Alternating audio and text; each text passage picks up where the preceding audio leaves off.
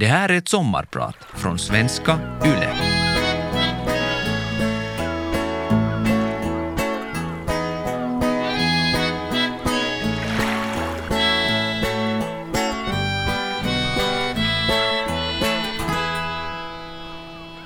Hela världen förändras torsdagen den 24 februari 2022. Tidigt på morgonen börjar Rysslands president Vladimir Putins förinspelade tal sändas på TV. Missiler börjar slå mot militära mål i Ukraina samtidigt som Putin deklarerar början på vad han kallar en specialmilitär operation för att avnazifiera och avväpna Ukraina och för att skydda rysktalande i Ukrainas östra delar från ett folkmord som aldrig har skett. En dryg månad senare är jag på väg från Helsingfors till min arbetsplats i Stockholm. Försvarshögskolan på Östermalm. Under arbetsresan har jag hunnit ge fyra olika intervjuer om Putins krig i Ukraina och det försämrade säkerhetspolitiska läget i Norden. Och under månaden som gått sammanlagt nästan hundra intervjuer i Finland och Sverige. Jag står och väntar på en buss på Odenplan när en obekant dam kommer fram till mig och frågar om jag nyligen varit i TV och talat om kriget. Jag svarar ja. Hon verkar trevlig men lite generad.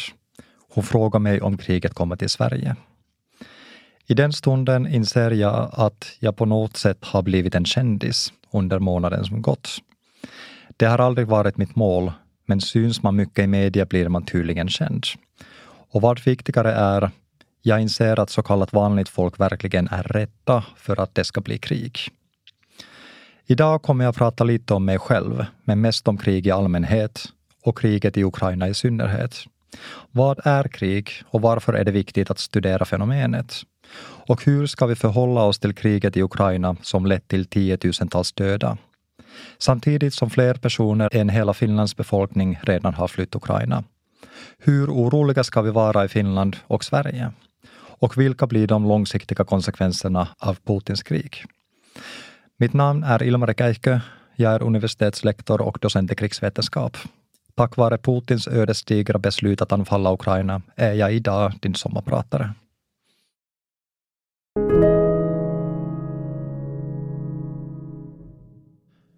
Som du hör är svenska inte mitt modersmål. Min väg att bli först soldat och sedan krigsvetare var inte heller speciellt rak. Jag är uppvuxen i Lahtis, där det var vanligare att höra ryska än svenska. Lahtis kallades ibland för Business City, men även för Finlands Chicago. Anledningen till det första var nog PR-konsulter. För det andra smeknamnet Chicago var orsaken brottslighet, narkotika och våld som var ständigt närvarande, i synnerhet under lågkonjunkturen på 1990-talet. Man fick akta sig för vissa saker och platser när man gick ut på helgerna. Med jämna mellanrum var det någon jag kände som fick spö. Det var chockerande att inse hur vanligt det var att man skyllde på offret. Kanske en indikation på hur normalt våldet var. Ännu mer chockerande var att det tog mig nästan 20 år att få den insikten. Jag kommer inte från en akademisk familj. Min mamma var lärare och försökte alltid uppmuntra mig att läsa. När jag var liten så läste hon högt böcker på band så att jag kunde lyssna på dem när hon jobbade. Det finns mycket forskning som visar att barn som uppmuntras att läsa får bättre möjligheter i livet. Även om jag tappade intresset för skolan tidigt kunde jag senare komma tillbaka på rätt spår och bli klar med gymnasiet på mindre än två år. Det som krävdes var insikten att inget i min omgivning skulle ändras eller utvecklas. Det var dags för mig att lämna staden och åka iväg. Och utbildning blev det bästa medlet för det. Även om jag idag är specialiserad på krigsvetenskap och strategi så kan jag knappast säga att många av mina val i livet har varit särskilt strategiska. Anledningen kan delvis förklaras med att vår omgivning möjliggör och begränsar vad vi uppfattar som möjligt. Utan det immateriella kapitalet blir vi blinda för möjligheter. Till exempel kände jag ingen som pratade svenska eller visade att det går att läsa på universitet. Flera viktiga beslut jag senare fattade kan spåras till personer jag råkade träffa och som informerade mig om möjligheter som jag sedan utnyttjat. Jag vill i synnerhet nämna två personer. Den första är Mr Jinka Williams, som är bland de första, om inte den första, afrikanen i Lahtis. Många som bott i Lahtis minns säkert den långa och artiga före detta läraren som rökte pipa när han rastade sin tax Lucy. Jag träffade Mr Williams första gången när jag jobbade på ett ställe där jag hjälpte kunder med IT, inte minst internet. Vi började snabbt umgås även utanför min arbetsplats och det var genom Mr Williams berättelser om hans barndom och liv i Nigeria som jag blev intresserad av Afrika söder om Sahara. När jag senare upptäckte att finska utrikesministeriet finansierade ett volontärprogram ville jag använda den möjligheten under de åtta månaderna jag hade mellan gymnasiet och intagningsproven till universitet. Jag blev antagen och fick åka iväg som volontär till Tanzania och jobba med barn som hade psykiska funktionshinder. Det blev mitt startskott för en internationell karriär och ett liv som jag sannolikt annars aldrig skulle ha upplevt. Tyvärr har inte dagens ungdomar samma möjlighet då volontärprogrammet som kan kallas för Finlands Peace Corps, eller fredskår, lades ner 2016 på grund av nedskärningar i utvecklingsbiståndet. När det gäller den andra inspiratören så är sanningen naken. Han heter Johannes och är bland mycket annat nudist. Jag fick ingen kulturchock då jag åkte ner till Tanzania. Däremot nog när jag kom hem till Lahtis igen. Staden och människorna där var de samma, men jag själv hade förändrats i grunden. Jag bara kände att jag inte passade in längre. Då råkade jag träffa nudisten Johannes på en strand i Lahtis, som inte alls var avsedd för nudister. Efter att han klätt på sig berättade Johannes om en stad som heter Uppsala och ett gammalt universitet där det alltid finns lediga kursplatser som man enkelt kan söka. Återigen öppnades en ny möjlighet. Den sommaren reste jag genom Baltikum innan jag på terminens första dag i september 2005 kom fram till Stadsgårdskajen i Stockholm. Man kan igen tycka att jag knappast var speciellt strategisk när jag anlände med 100 euro i plånboken, utan boende eller några bekanta i Uppsala och utan att tidigare ha pratat svenska med någon. Jag led förmodligen fortfarande av kulturchocken, men hade också lärt mig i Tanzania att jag kan ta hand om mig själv när det behövs. Dessutom råkade Johannes ringa mig just när färjan närmade sig hamnen. Det tog honom tio minuter att ordna ett boende åt mig för de första dagarna. Tack Johannes. I början var det tufft att plocka på ett främmande språk som jag dessutom glömde varje gång jag åkte hem till Finland, där jag endast pratade finska. På väg hem från Tanzania hade jag fått det kloka rådet att under mitt första år läsa allt möjligt för att testa vad jag senare ville fördjupa mig i. I början av mina studier var många av mina kursare invandrare eller barn till föräldrar som kom från Iran eller olika länder i Afrika eller Mellanöstern. Vid flera tillfällen trodde man att jag var svensk och mina vänner invandrare, även om situationen i verkligheten snarare var motsatsen. De var födda i Sverige, till skillnad från mig som bara såg svensk ut på grund av min hudfärg. När jag började planera mitt huvudämne under min andra termin upptäckte jag att Sveriges försvarshögskola hade börjat erbjuda civila kurser i statsvetenskap med stöd från Uppsala universitet. Alla lärare jag frågade tyckte att statsvetenskap erbjuder breda arbetsmöjligheter. Eftersom ett liknande civilmilitärt samarbete inte fanns eller finns i Finland så blev statsvetenskap på Försvarshögskolan mitt huvudämne. Allt som allt tog det tre år för mig att bli magister. Det fanns mycket utvecklingspotential i den nya utbildningen, men det saknades en tydlig röd tråd mellan olika kurser. Trots att det var roligt att ha pedagogiskt skickliga officerare som lärare så saknade de som regel vetenskaplig kompetens och förståelse av teori och metod. Samtidigt var det spännande att vara med om något nytt. På den tiden fanns det färre låsta dörrar och så pass få studenter att det var lätt att få tag på lärare för mer informella diskussioner. Många av lärarna är idag mina kollegor.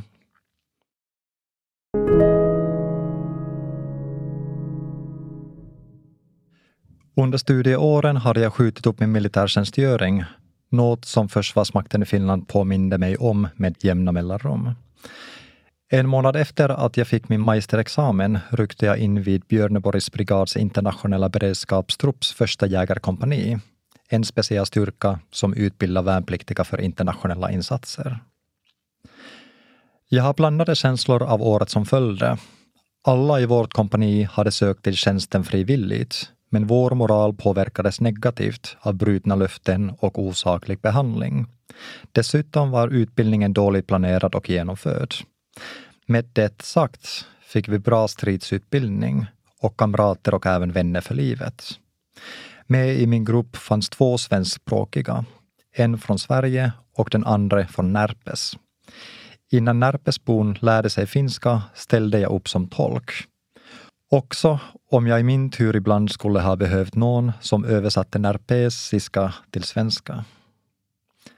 Vårt kompani blev den första gruppen av finska värnpliktiga som utbildades direkt för internationella insatser. Det skapades tre plutoner från kompaniet som tillsammans med reservister och försvarsmaktsanställda åkte till Afghanistan, Kosovo och Tchad nästan direkt efter vi muckat. Jag hade skrivit min magisteruppsats om Afghanistan och fick tidigt frågan om jag ville åka dit. Men när Tchad-alternativet annonserades så bytte jag insats. Det var allmänt känt bland oss att insatsen i Afghanistan skulle bli farlig.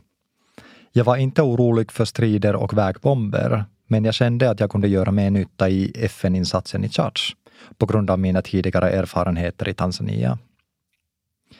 Afghanistaninsatsen har fortfarande inte utretts i Finland.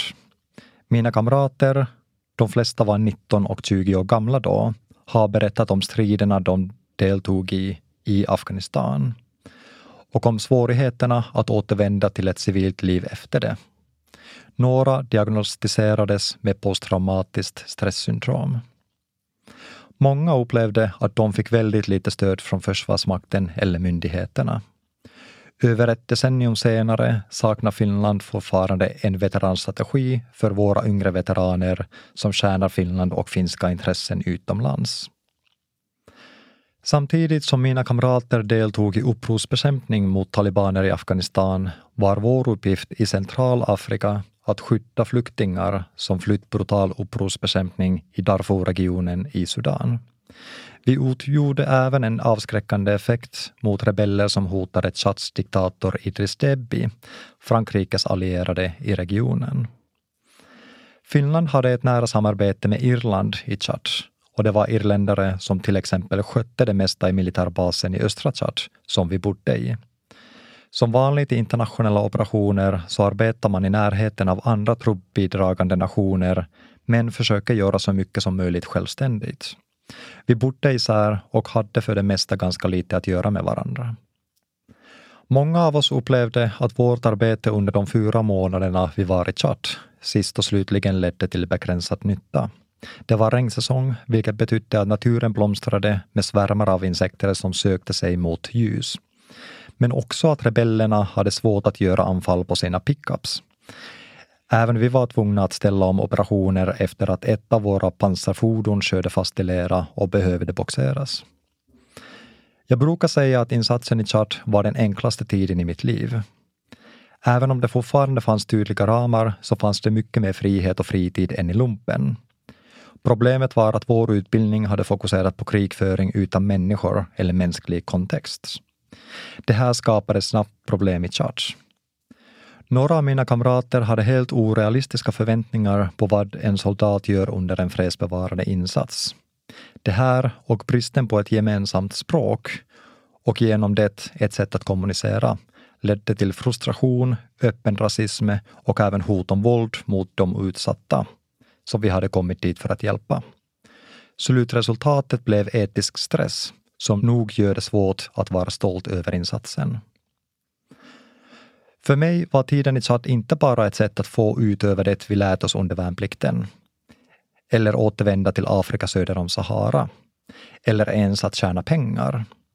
Minst lika mycket var det ett sätt för mig att skjuta upp framtidsplanerna. Nackdelen med att ha blockat i Sverige var att jag saknade nätverk i Finland som kunde ha hjälpt med att få jobb. Jag fick återigen en fråga om jag ville åka till Afghanistan. Men då hade jag fått nog av militärlivet. Även om jag gillade hur fysiskt krävande det var saknade jag intellektuell utmaning.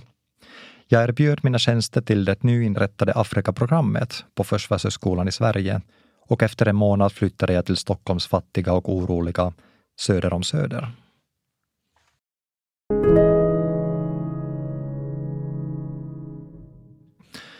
Jag heter Ilmar Käihkö och är veteran, universitetslektor och docent i krigsvetenskap. Sedan våren 2010 har jag fått arbeta med krigsvetenskap. Ett och ett halvt år som soldat, resten av tiden som forskare vid skrivbordet och ute på fältet. Som universitetslektor har jag tre uppgifter. Den första är utbildning, som i sin tur kräver den andra, det vill säga forskning, för att säkerställa att jag har den nyaste kunskapen som jag kan förmedla till mina studenter. Den tredje uppgiften handlar om att sprida kännedom utanför akademin, vilket jag kan göra till exempel genom det här sommarpratet. Det är nog bra att börja med att fråga vad krig är för något. Och redan där kan vi dra nytta av krigsvetenskapligt tänkande från chefen för den preussiska militärskolan, generalen och krigsfilosofen Karl von Clausewitz. För mer än 200 år sedan definierade han krig så här. En fortsättning av politik med andra våldsamma medel. Relativt få har läst Clausewitz, även om mycket av vårt sätt att förstå krig präglas av hans nydanande definition från det tidiga 1800-talet. För Clausewitz och för oss som studerar och de som för krig är krig först och främst organiserat våld som används för att uppnå politiska mål. Med andra ord blir krig då ett medel som vi utnyttjar strategiskt för att tvinga vår fiende att göra som vi vill. Enligt Clausewitz var receptet för krig enkelt. Motståndarens medel att försvara sig ska förstöras och fiendens landområden ska ockuperas. Oförmögen att göra motstånd måste fienden underkasta sig segrarens vilja. Allt det här kräver organiserat våld, vilket präglar krig och blev militärens huvuduppgift. På det här sättet bidrog Clausewitz teori om krig till en professionalisering av militären som ännu idag ansvarar för beväpnad strid i politikens tjänst. Varje krig är unikt och påverkas av treenigheten som består av de styrande, armén och folket, samt en rad olika känslor. Det gör det svårt, om inte omöjligt, att erbjuda något allmängiltigt recept på hur man vinner krig, även om det oftast förstås hjälper att man är starkare än sina motståndare. Ett exempel på den här utmaningen är hur mina kamrater i Afghanistan brottades med att ens identifiera motståndaren som gömde sig bland folket som de var där för att försvara. Clausewitz var realistisk i meningen att han inte trodde på krig utan spilt blod. Organiserat våld leder nästan oundvikligen till lidande och förstörelse. Även om Clausewitz inte skrev något om etik Förmodligen trodde han att politiska syften bakom kriget rättfärdigade våldet. Så är hemskheten nog det första många av oss tänker på när vi hör ordet krig. Jag känner att det är oansvarigt och oetiskt att ens prata om krig utan att nämna etik och diskutera krigets mänskliga konsekvenser. Problemet är att även om krig är hemskt så är det ibland bra att föra krig. Under andra världskriget skrev författaren George Orwell att Pacifismen är objektivt profascistisk. Om du hindrar den ena sidans krigsansträngning hjälper du automatiskt den andra sidans. Med andra ord tyckte Orwell att om man inte slåss mot Hitler så är man de facto på hans sida. Det som Orwell fångade på ett bra men provokativt sätt är hur krig alltid polariserar. Eftersom det är politiska enheter, ofta stater som representerar nationer, som för krig, är krig alltid polariserande. Som regel rättfärdigas krig som defensiva. För att möjliggöra organiserat våld mot motståndaren måste de ideologiskt avhumaniseras. Polarisering, ideologi och avhumanisering förekommer i alla krig och har omedelbara konsekvenser för våra samhällen. Ett annat exempel på hur krig har påverkat oss är det vanliga argumentet att det är krig som historiskt har skapat stater i Europa. Genom krig har olika länder uppstått, som i sin tur har blivit bättre på att föra krig. De europeiska staternas främsta uppgift var länge just krigsföring. Det är inte speciellt länge sedan det ännu var så. När krig under Clausewitz tid på 1800-talet utvidgades på grund av nationalism så förstärktes banden mellan medborgarskap och militärtjänstgöring.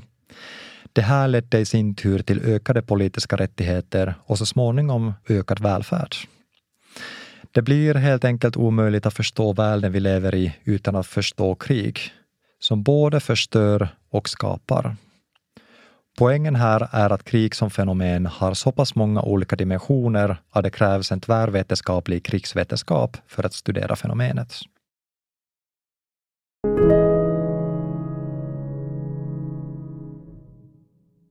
Jag är nog en dålig forskare i den meningen att jag är intresserad av för många och för olika saker. Många forskare brukar snöa in sig på en enda sak. Men grovt förenklat kan jag ändå säga att jag hittills har fokuserat på tre områden. För det första strategi, eller hur man skapar, kontrollerar och använder militära och icke-militära maktmedel för att nå sina politiska ändamål.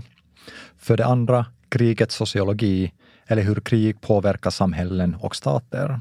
Och för det tredje etnografi, eller hur krig påverkar individer och hur vi kan studera krig genom dem. Som sagt kommer jag inte från en akademisk familj. Många som gör det har fått mycket intellektuellt kulturkapital gratis, vilket ofta syns i form av självsäkerhet. Vi som inte fått det här med oss under uppväxten har den hårda vägen fått lära oss hur man gör. Här pratar jag inte bara om vetenskapligt tänkande, utan även om hur man beter sig i en akademisk miljö, som, så som många andra miljöer, har sina egna regler och normer. Till exempel har jag alltid brottats med vetenskapliga seminarier där ordet är fritt. Varför skulle någon vara intresserad av vad jag har att säga? Min bakgrund har absolut påverkat min forskning eftersom jag alltid varit intresserad av den lilla människan. Det är nog därför jag blev etnograf, alltså någon som under en längre tidsperiod och på nära håll studerar människogrupper genom deltagande observation. I slutet av 2011 fick jag frågan om jag var intresserad av att delta i ett forskningsprojekt i det lilla västafrikanska landet Liberia. Syftet med projektet var att studera hur före detta miliser och rebeller lever, snart tio år efter slutet på Liberias andra inbördeskrig. Eftersom mitt dåvarande kontrakt höll på att gå ut och eftersom projektet blev en del av mina fullfinansierade doktorandstudier så tackade jag genast ja. En stor skillnad mellan den svenska och finska akademin är att doktorander är heltidsanställda i Sverige. Man kan då lägga fullt fokus på studierna och slippa stressen att ansöka om pengar för fortsatt finansiering, så som alltför många i Finland tvingas göra. Det slukar både tid och energi. Liberia är ett litet västafrikanskt land som ibland beskrivs som USAs enda koloni i Afrika. Liberias politiska historia präglas av ett enpartisystem där så kallade amerikanska liberianer, frisläppta slavar från USA, höll makten tills de störtades i en militärkupp år 1980.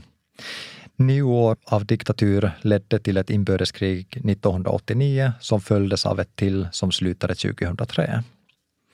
Mellan åren 2012 och 2017 åkte jag fyra gånger till Liberia. Jag bodde där i totalt 15 månader oftast med vanliga liberianer, inte minst män som hade deltagit i inbördeskrigen.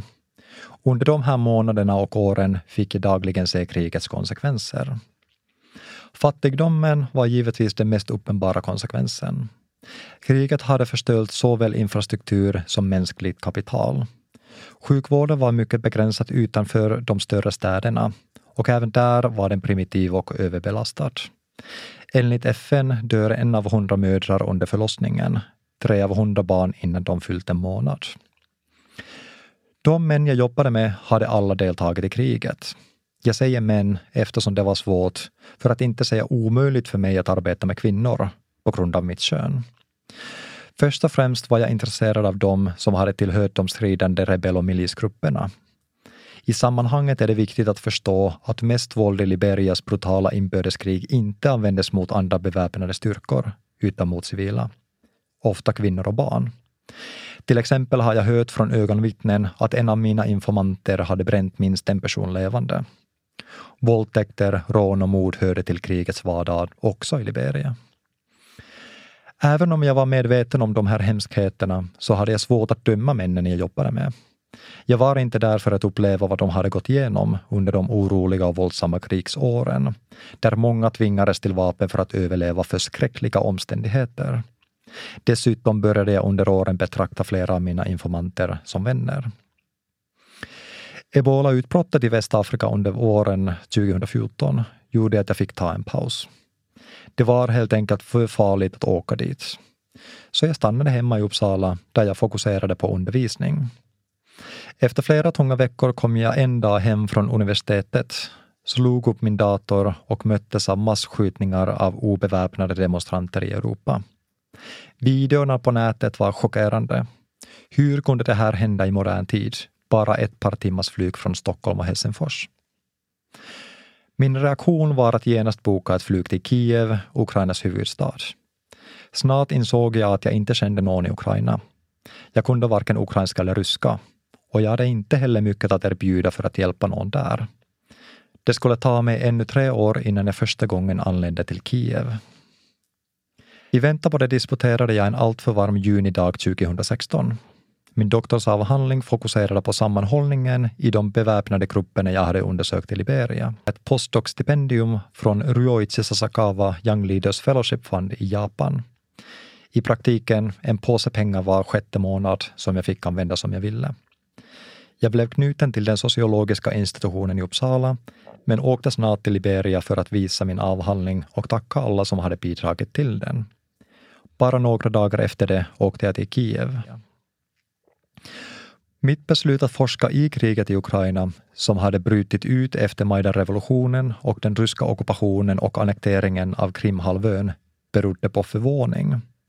Förvåningen över att det pågick ett krig i Europa som nästan ingen verkade vara intresserad av.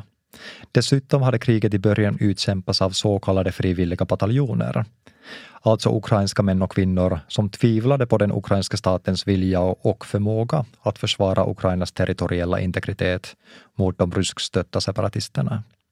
Med andra ord var miliser och rebeller inte bara någonting som fanns på den afrikanska kontinenten, utan jag kunde fortsätta studera dem här. Bara två timmars flygresa hemifrån.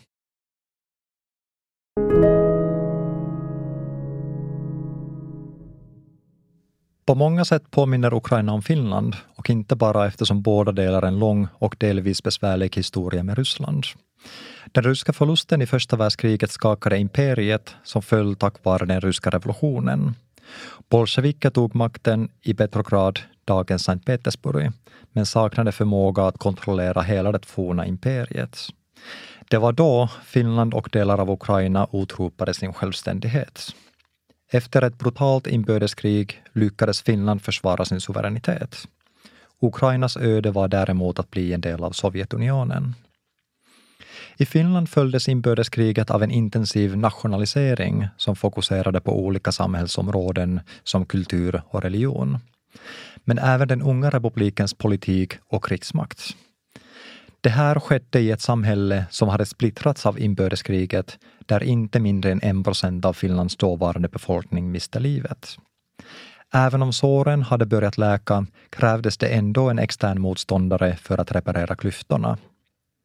Vinterkrigets mirakel var att nästan hela samhället enades bakom idén att alla finländare, oavsett språk eller politisk åsikt, bör skydda vår frihet.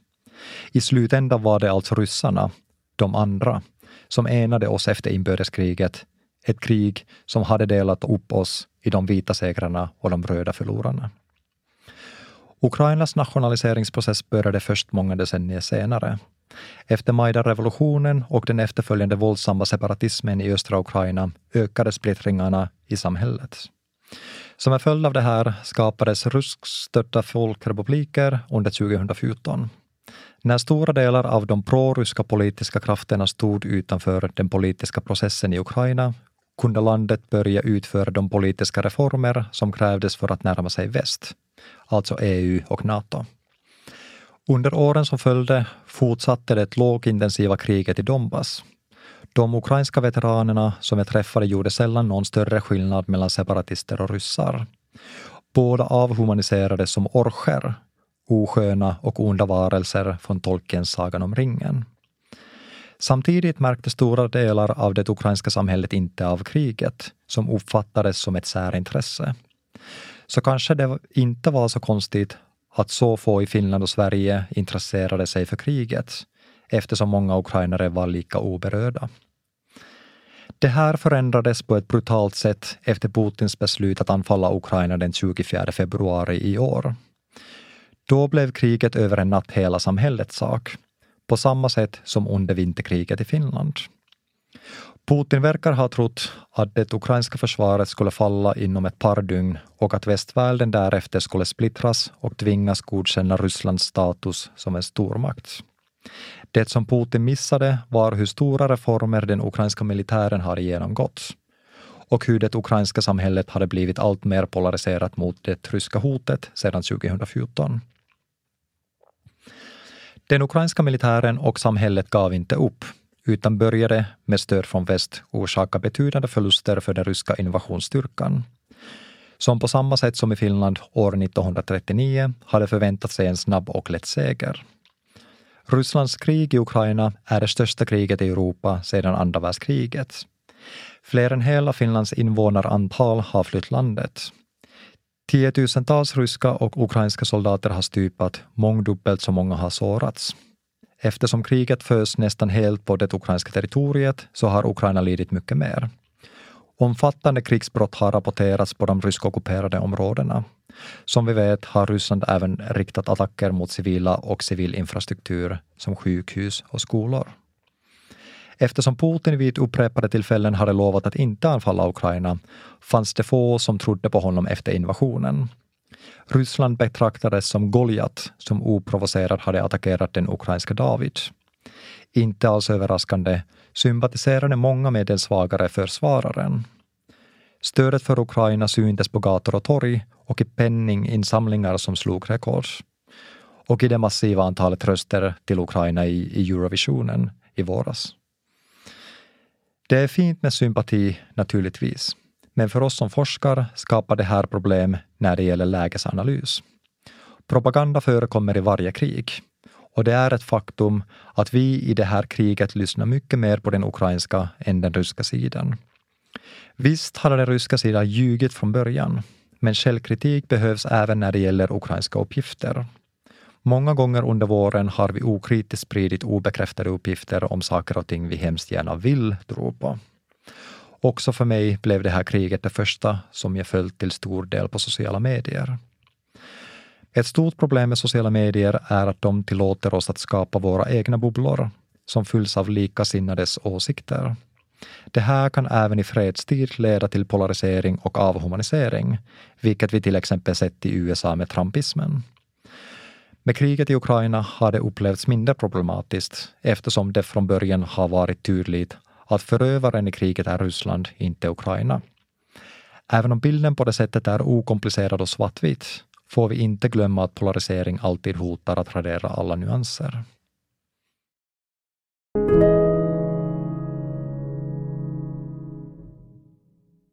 De första veckorna efter Putins anfall var fyllda med betydande oro för oss alla. Först var vi upprörda och följde krigets utveckling i media. Mina dagar fylldes med intervjuer och analyser och diskussioner med kollegor och ukrainska bekanta för att bättre förstå vad som händer. Jag sov bara varannan natt och fick påminna mig själv om att dricka vatten och äta. Varje morgon inleddes med en snabb kontroll av när mina ukrainska bekanta senast hade varit aktiva på sociala medier för att kolla att de fortfarande lever. Vi människor har en förmåga att vänja oss vid olika situationer, vilket förstås är viktigt för vår överlevnad. Så småningom blev även kriget i Ukraina vardag för oss. De ukrainska flaggorna vi hade blivit vana vid i det offentliga rummet började försvinna. Eller så bara såg vi dem inte.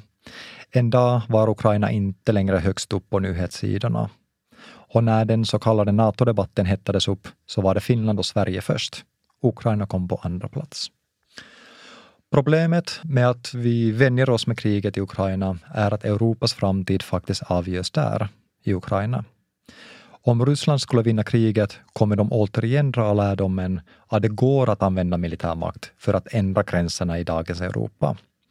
Om Ukraina vinner så blir det ett bevis på hur vårt gemensamma europeiska projekt kan erbjuda en framtidsvision värd att kämpa för och hur vi tillsammans försvarar vår frihet att välja denna vision. För Finland och Sverige har kriget lett till ett historiskt beslut att ansöka om medlemskap i den nordatlantiska fördragsorganisationen Nato. Återigen spelade polariseringen en viktig roll i beslutet, där alternativen verkade begränsas till två. Antingen maximerade vi vår säkerhet genom Nato, eller så maximerade vi osäkerheten. Det är inte så konstigt att vi och våra statsledningar valde det första alternativet för att slippa Ukrainas öde. Krig är alltid kostsamt och här är Ukraina inget undantag. Det mänskliga lidandet har varit enormt. De omfattande materiella förlusterna kan ersättas under åren och årtionden som kommer, men vi kan aldrig återuppväcka någon från döden. Den stora faran med att bli van vid kriget är att vi börjar glömma Ukraina och ukrainarna. Även om det är ohållbart att vara orolig och upprörd i längden, får inte ett krig i Europa bli vardag. Oavsett vad kriget i Ukraina kostar oss, lär kostnaderna bli mindre än för ukrainarna. Jag har själv redan förlorat en nära vän som hamnade i ett ryskt bakhåll och försvann. Flera som jag känner har också blivit sårade. Det är svårt att inte ibland känna att det hela bara är ett vansinnigt stort slöseri. Det är givetvis inte bara ukrainare som lider på grund av kriget. Vi ska inte heller glömma anhöriga till de ryska män, pappor och söner som inte återvände hem från Ukraina. Krig är hemskt, inte minst eftersom det just nu krävs liv och lem på ryska soldater för att få ett slut på kriget i Ukraina. Även om det kan kännas svårt att känna sympati för de ryska soldaterna är det möjligt att många av dem har skickats till Ukraina mot sin egen vilja.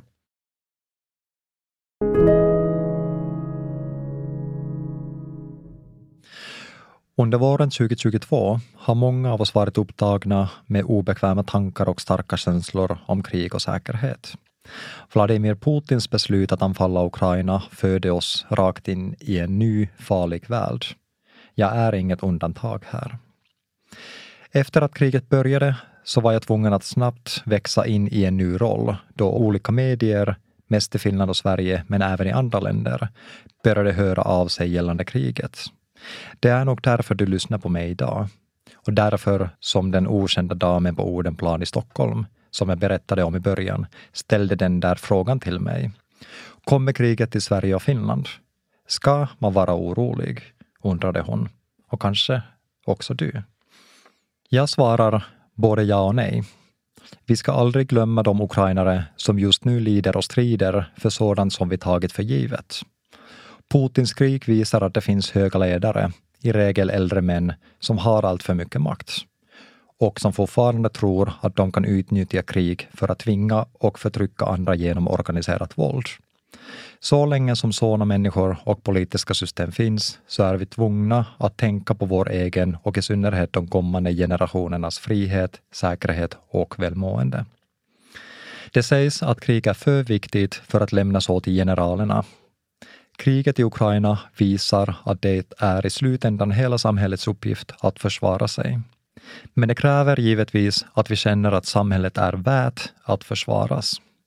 Det blir vår uppgift att värna om vår välfärd, vårt demokratiska system och freden så att alla av oss känner att Finlands sak är vår. Vi är starkare tillsammans och verkligen inte bara militärt. Bland annat därför har jag under de senaste åren försökt främja språkligt och kulturellt utbyte mellan finsk och svenskspråkiga i Finland och Sverige, till exempel genom föreningen Språkambassadörerna. Vi ska inte vara naiva, men inte heller oroliga. Vårens säkerhetspolitiska beslut har fattats för att garantera vår fortsatta säkerhet trots hotet från vårt stora och oförutsägbara grannland. Men oavsett av vad som händer i Ukraina så ska vi nog förbereda oss på en lång konflikt mellan västvärlden och Ryssland, demokrati och diktatur, fred och krig. Med det sagt är det faktiskt också möjligt att historien kommer att minnas Putins krig i Ukraina som det sista tokeriet, som sen ledde till fred i Europa och resten av världen. Det vore något, en dröm att drömma. Mitt namn är Ilmari Käihkö. Jag är universitetslektor i krigsvetenskap vid Försvarshögskolan i Stockholm. Idag har jag varit din sommarpratare. Jag önskar dig en fin sommar.